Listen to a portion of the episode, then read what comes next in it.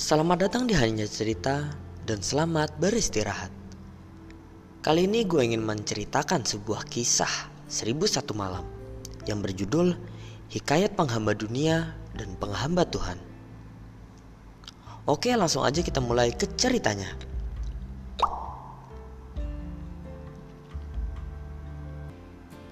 Pada suatu hari hiduplah seorang raja.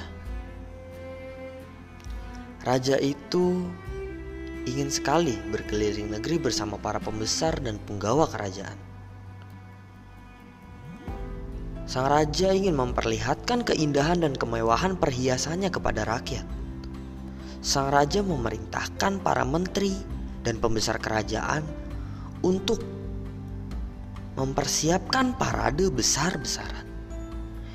Ia memerintahkan penanggung jawab busana untuk membawa pakaian termewah demi menunjukkan kebesaran seorang raja. Ia juga meminta agar seluruh kudanya yang cantik diikut sertakan. Para menteri dan pegawai istana melaksanakan semua perintah raja mereka. Sang raja memilih pakaian terindahnya dan juga memilih kuda terbaiknya. Dan raja menggunakan pakaian kebesaran yang mewah itu lalu menunggangi kuda yang cantiknya. Lantas sang raja keluar bersama seluruh penggawa negeri dalam sebuah parade besar-besaran dengan pengawalan ketat oleh pasukan kerajaan. Dalam parade ini, sang raja mengenakan mahkota yang bertatakan mutu manikam, berlian dan safir. Sang raja merasa bangga dengan segala kemewahan dan kebesaran dirinya itu. Maka iblis diam-diam mendatangi sang raja. Iblis jahat itu memegang hidung sang raja dan meniupkan sifat takabur dan bangga diri ke dalam dirinya. Tak pelak, sang raja pun menyombongkan dirinya. Adakah manusia di dunia ini yang bisa menandingiku. Batin sang raja. Sang raja berjalan dengan kepala terangkat dan angkuh. Ia memamerkan kekayaannya dan mempertontonkan kebesarannya. Sedikit pun ia tak sudi melihat orang lain bersifat takabur, bangga diri, angkuh, dan congkak. Hanya dirinya lah yang bisa melakukan hal itu. Tiba-tiba seorang lelaki tua dengan pakaian compang-camping berdiri di hadapan sang raja.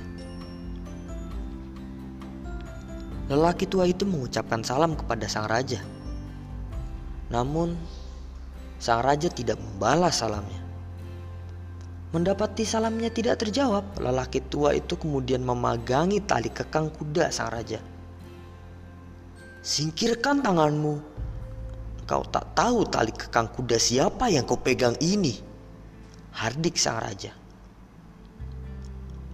Aku punya keperluan denganmu.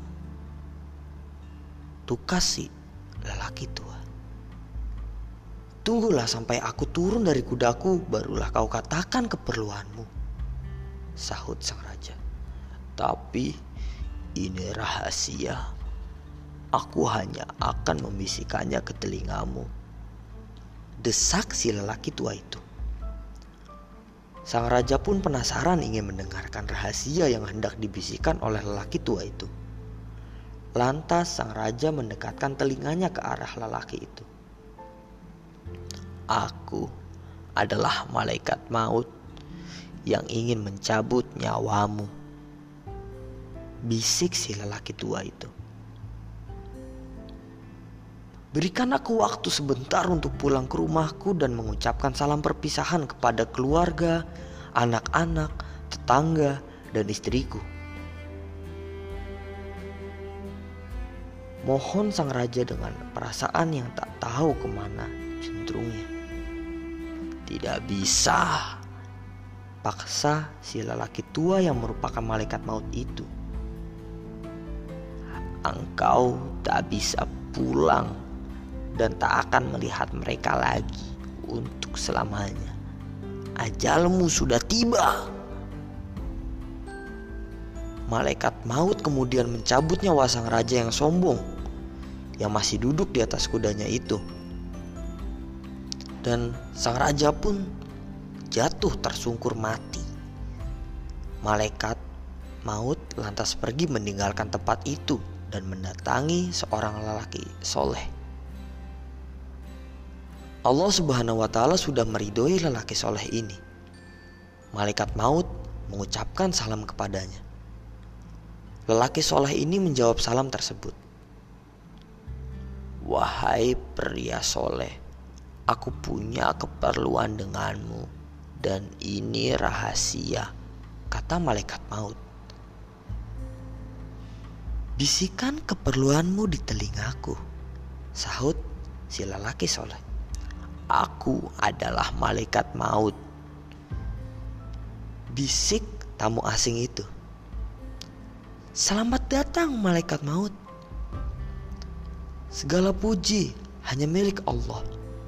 Aku sudah menunggu kedatanganmu. Penantianku ini sudah terlalu lama. Ucap si lelaki soleh itu dengan perasaan gembira. Kalau engkau masih punya urusan lain, selesaikanlah terlebih dahulu tukas malaikat maut memberi kesempatan. Aku tak punya urusan lagi yang lebih penting daripada pertemuanku dengan Tuhanku dan Maha Agung lagi Maha Besar. Itulah yang paling penting bagiku. Tegas lelaki soleh itu. Cara apa yang kau mau dariku untuk mencabut nyawamu? Aku diperintahkan untuk mencabut nyawamu sesuai keinginan dan pilihanmu. Ujar malaikat maut. Beri aku waktu sebentar untuk berwudu dan mengajarkan sholat. Nanti cabutlah nyawaku ketika aku sedang sujud. Pinta si lelaki soleh. Tuhanku memerintahkanmu untuk mengambil nyawamu berdasarkan cara yang kau pilih sesuai keinginanmu. Aku akan melakukan apa yang kau mau. Jawab malaikat maut. Lelaki sholat itu pun berdiri, berwudu dan mengerjakan sholat. Malaikat maut lantas mencabut nyawanya tak kala ia sedang sujud. Allah Subhanahu wa taala memindahkan arwah si lelaki soleh itu ke dalam rahmat, ridho dan ampunannya.